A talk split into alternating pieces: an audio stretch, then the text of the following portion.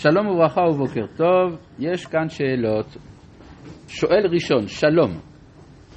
את השיעור של יום ראשון בראשית 192, הרב סיים עם שאלה פתוחה, כנראה על הפסוק, קטונתי מכל החסדים. לכאורה יש כאן שאלה, למה יעקב מתיירא? הרי יש לו הבטחה, ואנוכי, הנה אנוכי עמך ושמרתיך בכל אשר תלך, ולמחרת, שיעור 193, הרב לא התייחס לכאורה לשאלה, תודה רבה.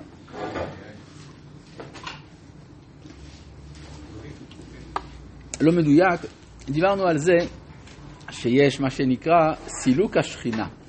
זאת אומרת, אומנם יש הבטחה שישראל שכינה עמם בגלותם, אבל כאשר יש איחור, כלומר מגיע הזמן שלחזור לארץ ישראל, אז השכינה חוזרת תחילה, וישראל נשארים מאחור.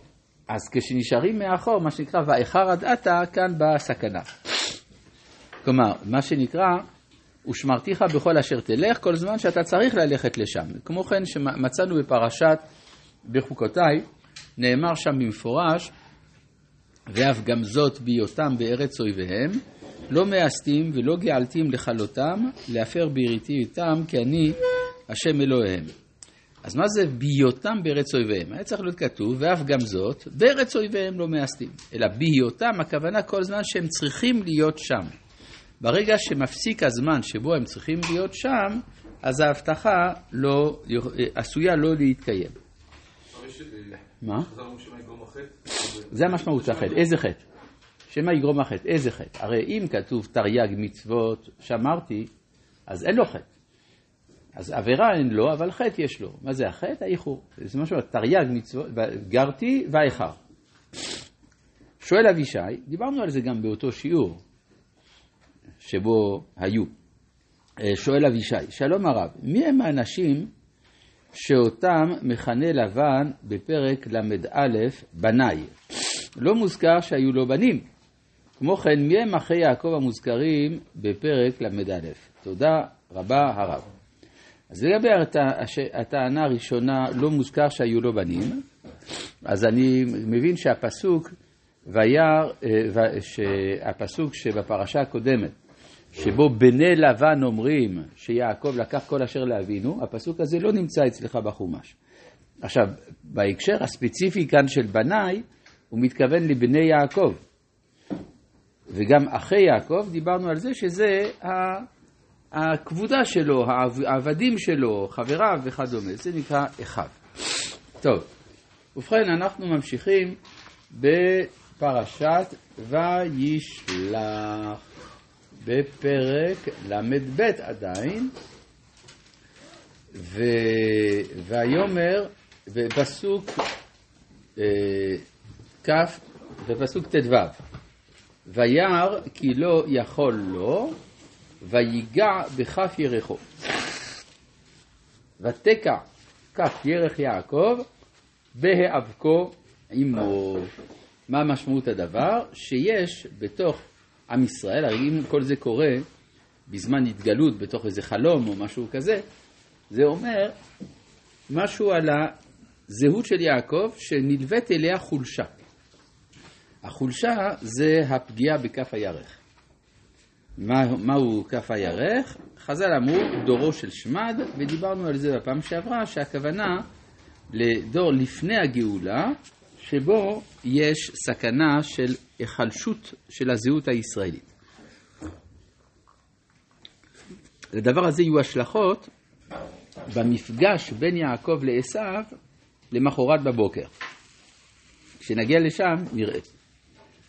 אה, ויאמר, פסוק כ"ז, ויאמר שלחני כי עלה השחר. ויאמר לא אשלחך. כי אם ברכתני.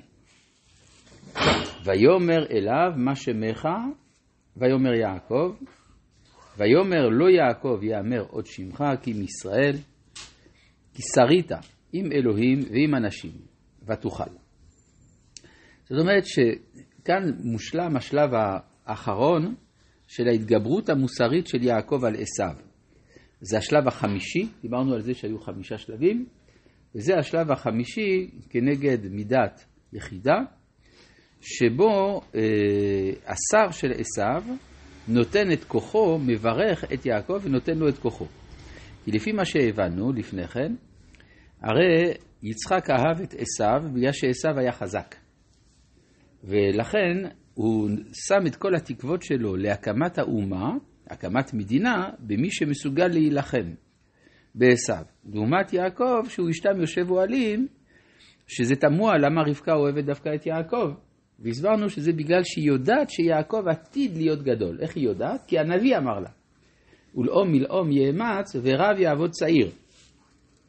כך שבאופן אידיאלי, אז הזהות השלמה של האומה זה יעקב ועוד עשיו, זה שווה ביחד ישראל. לא בגימטריה, אבל זה בעצם מה שזה אומר.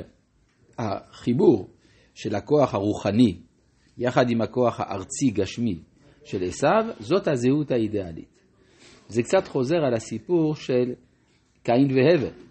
קין הוא ארצי, הבל רוחני. אז הבל לא יכול להחזיק מעמד. אבל קין ועוד הבל זה שת. שת, התשתית, הבסיס, מה שממנו ייבנה העולם. אז כך פה, זה בעצם ההשלמה של הזהות הישראלית, על ידי שהוא לוקח את כוחו של עשיו. בספר הזוהר מסופר שבצורה קצת הומוריסטית, שכאשר הקדוש ברוך הוא הציע את התורה לאומות, הוא לא הציע לאומות באמת, אלא הוא פנה אל השרים של האומות. פנה בין היתר אל השר של עשיו, והציע לו את התורה.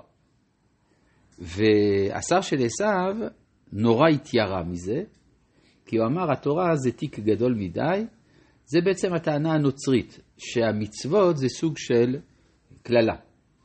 ולכן, ככה הזוהר אומר שהשר של עשיו, כדי להיפטר מזה, אמר לקדוש ברוך הוא, תשמע, זו מתנה כל כך יפה, תן אותה לבני ישראל.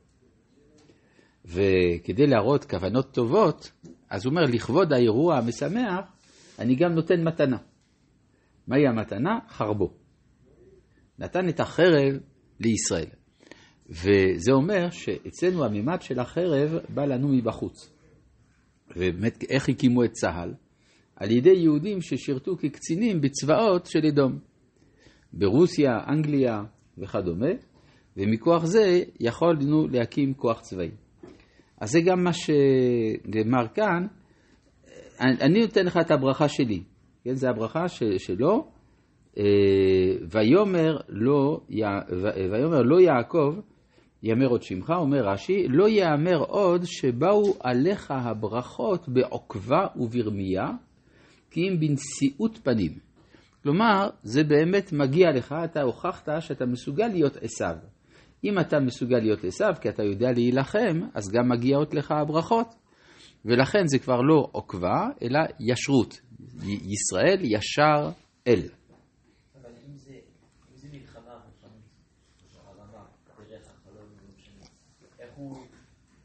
מלחמה בחלום זה מלחמה אמיתית. מלחמה בחלום זה מלחמה אמיתית. אני אסביר מדוע. כאשר אדם חולם שהוא למשל בחלום, הוא חולם שהוא בועט בכדור. אז מבחינה נוירולוגית זה קורה. כלומר, כל מה שקורה במוח וגם באזור הבעיטה, מבחינ... יש התעוררות עצבית שם. אז הוא באמת בעט בכדור, גם אם בפועל לא ראית. כן? אה, וישאל יעקב, ויאמר, אגידה נא שמך. ויאמר, למה זה תשאל לשמי? ויברך אותו שם. מה זה הסיפור הזה שהוא מבקש לדעת את שמו ואומר, אני לא רוצה להגיד לך למה אתה שואל וכדומה. המילה שם, הסברנו על זה כמה פעמים, זה המטרה. הוא רוצה להבין מהי המטרה של עשיו. או אם נאמר יצר הרע שהיה שם, מה המטרה של היצר הרע. אבל ברגע שמתבררת המטרה, אז זה כבר לא יצר הרע. זה הופך להיות בבחינת אה, עבירה לשמה. ואז הוא מתבטל. ולכן הוא לא יכול להגיד לו את מטרת קיומו, כי אם הוא יגיד לו, אז הוא כבר, אוטומטית כבר לא הוא. ולכן הוא חייב לא לגלות לו את שמו, למה זה תשאל לשמי, ויברך אותו שם.